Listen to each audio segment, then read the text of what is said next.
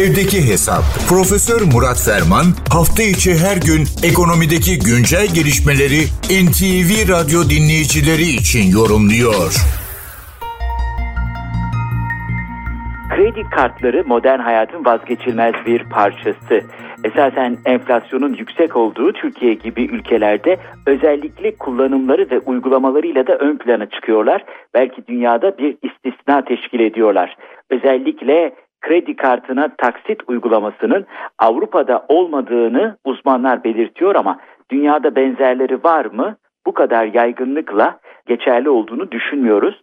Tabii bu topraklar enteresan topraklar, çözüm çıkarma, orijinal ama orijinal değil, orijinal çözüm çıkartma konusunda her daim ön planda.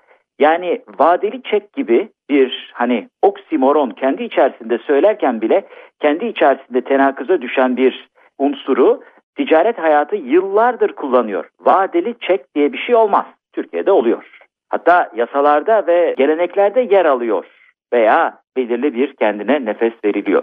Ama bu çerçevede işte maişet motorunu döndürmek, günden güne, aydan aya, maaştan maaşa, haftalıktan haftalığa geçimini sağlamak ve yetişmek isteyenlerin kredi kartı kullanımı konusunda bazı kısıtlamalar getirilmesi düşünülüyor.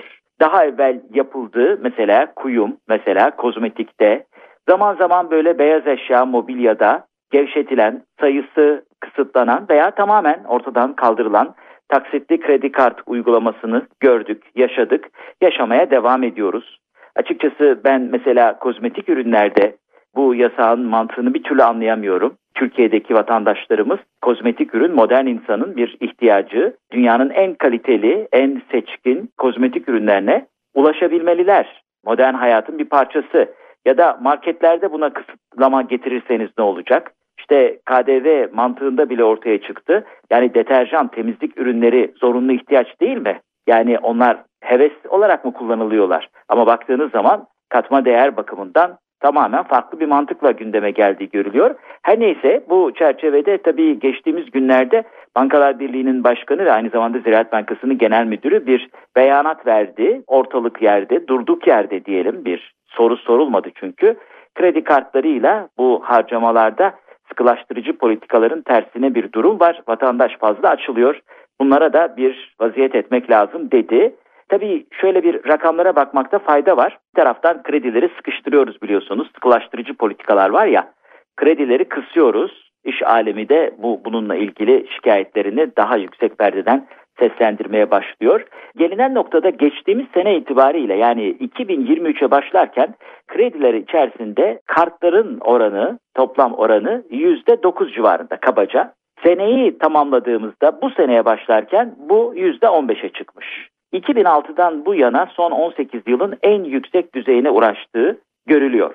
Buradan da bir dün mevkutede haber olarak geldi. Bankaların bir kısmı demiş ki kredi kartıyla döviz, altın, kripto varlık alımı yapılması, vadesi gelmemiş kredilerin kapatılması, makul gerekçesi olmayan transferler gerçekleştirilmesi nedeniyle kartlar kullanıma kapatılabilir. Bu işin bir başka yönü.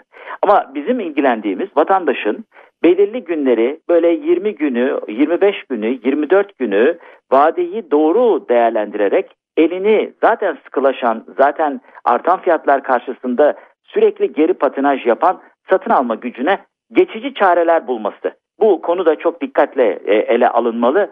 Sıkılaştırmayı sadece talep tarafından yaparsanız arz bacağını ihmal ederseniz sonuç almanız mümkün değil. Kredi kartları meselesi derin bir mesele konuşmaya devam edeceğiz ama şimdilik herhalde genel çerçeveyi çizip bu şekilde yetinmekte fayda var. Değerli dinleyenlerimize katma değeri yüksek ve yüksek katma değerli bir gün diliyor. Huzurlarınızdan hürmetlerle ayrılıyorum. Profesör Murat Ferman'la evdeki hesap sona erdi. Kaçırdığınız bölümleri www.ntvradio.com.tr adresinden dinleyebilirsiniz.